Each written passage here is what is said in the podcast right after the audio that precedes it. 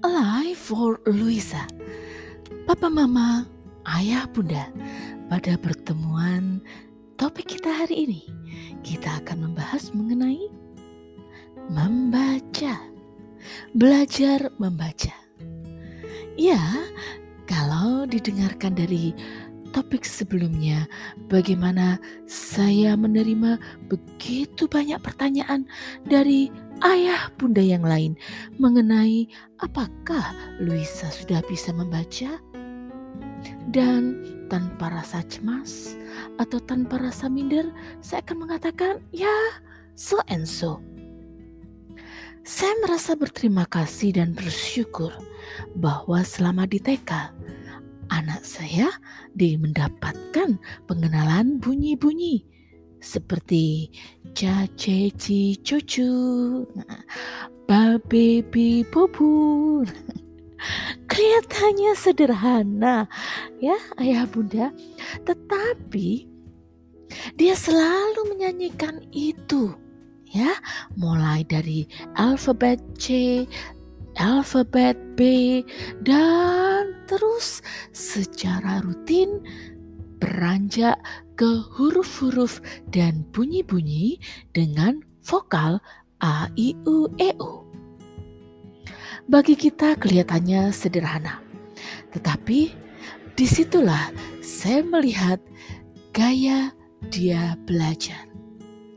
Dan kembali, tidak perlu sampai ada pertumpahan darah tidak terjadi pertumpahan darah di rumah, tidak terjadi bentak membentak, tidak terjadi um, tangis menangis di mana anak merasa putus asa karena dia dianggap tidak sehebat teman-temannya di dalam membaca. Waktu terus berlalu, dan saya juga memberikan stimulasi lewat kartu-kartu dengan gambar dan bunyi-bunyi sesuai dengan bunyi yang sudah dikenalkan oleh gurunya di taman kanak-kanak. Ayah, bunda, papa, dan mana. Penting saya tegaskan bahwa sekali lagi hanya dikenalkan. Jadi saya bersyukur bahwa saya mendapatkan guru bagi anak saya yang juga tidak terlalu memberikan penekanan bahwa dia harus sangat hebat dalam membaca. Kalau itu sampai terjadi, saya yakin anak saya mungkin akan benci membaca. Ya, tapi tentu saja ya, aliran orang tua yang selalu menanyai tentang kemampuan Luisa membaca jelas tidak puas terhadap Bapak Ibu guru yang justru saya puji tadi. Ya, itulah kita tidak bisa menyamakan persepsi setiap orang. Sama halnya kita tidak bisa menyamakan putra-putri kita yang terkasih. Dan saya cukup puas dengan kondisi putri saya bahwa dia tidak sehebat teman-temannya yang dianggap sangat piawai membaca sejak TK.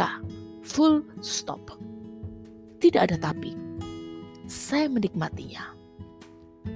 Dan satu tahun telah berlalu semenjak dia dikenalkan dengan bunyi-bunyi dan sekarang dia sudah kelas 1 SD. Dan dengan keterbatasannya dalam membaca di bunyi-bunyi tertentu, dia bisa mengikuti pembelajaran jarak jauh dengan oke-oke saja.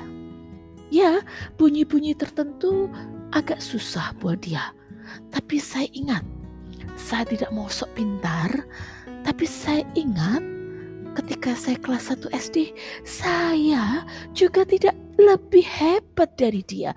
So, kenapa saya harus menyiksa dia menjadi orang yang hebat menurut ukuran papa mama, ayah bunda yang tidak melahirkan dan membesarkan dia. Oke, okay, kita yang paling tahu anak-anak kita dan kita juga punya cara tersendiri untuk membesarkan dan membimbing anak-anak tersayang. Dalam hal ini, saya sih aliran yang seperti ini. saya lebih senang memberikan waktu kepada si kecil untuk merasakan setiap langkah dari ketidakbisaan menjadi bisa dengan cara yang nikmat satu bonus papa mama. Walaupun dia belum sangat hebat dalam membaca karena di beberapa bunyi dia masih bingung ya, terutama yang hurufnya mirip-mirip. Saya bersyukur karena tidak ada paksaan tadi, akhirnya dia menyukai membaca. Kapan? Jam berapa? Tidak ada jam untuk itu. Buku ada di mana-mana dan saya pun membaca setiap saat. Maka bisa saja dia pulang sekolah, duduk di sofa, tiba-tiba dia membaca. Bangun tidur, dia masih ingin bersantai, walaupun terkantuk-kantuk, dia membaca. Dan saya merasa terhibur saja, walaupun beberapa bunyi terasa salah. Saya merasa terhibur. It sounds beautiful.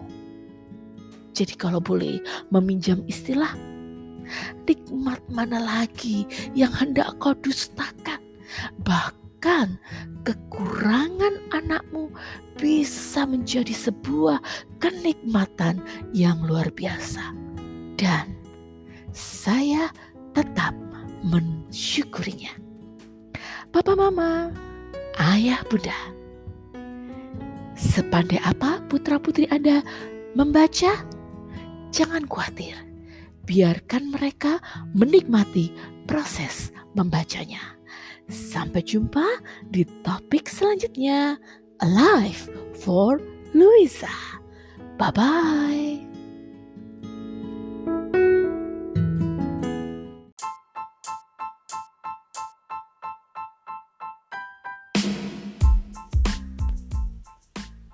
Let the world listen to your voice. Join Anchor and share your thoughts.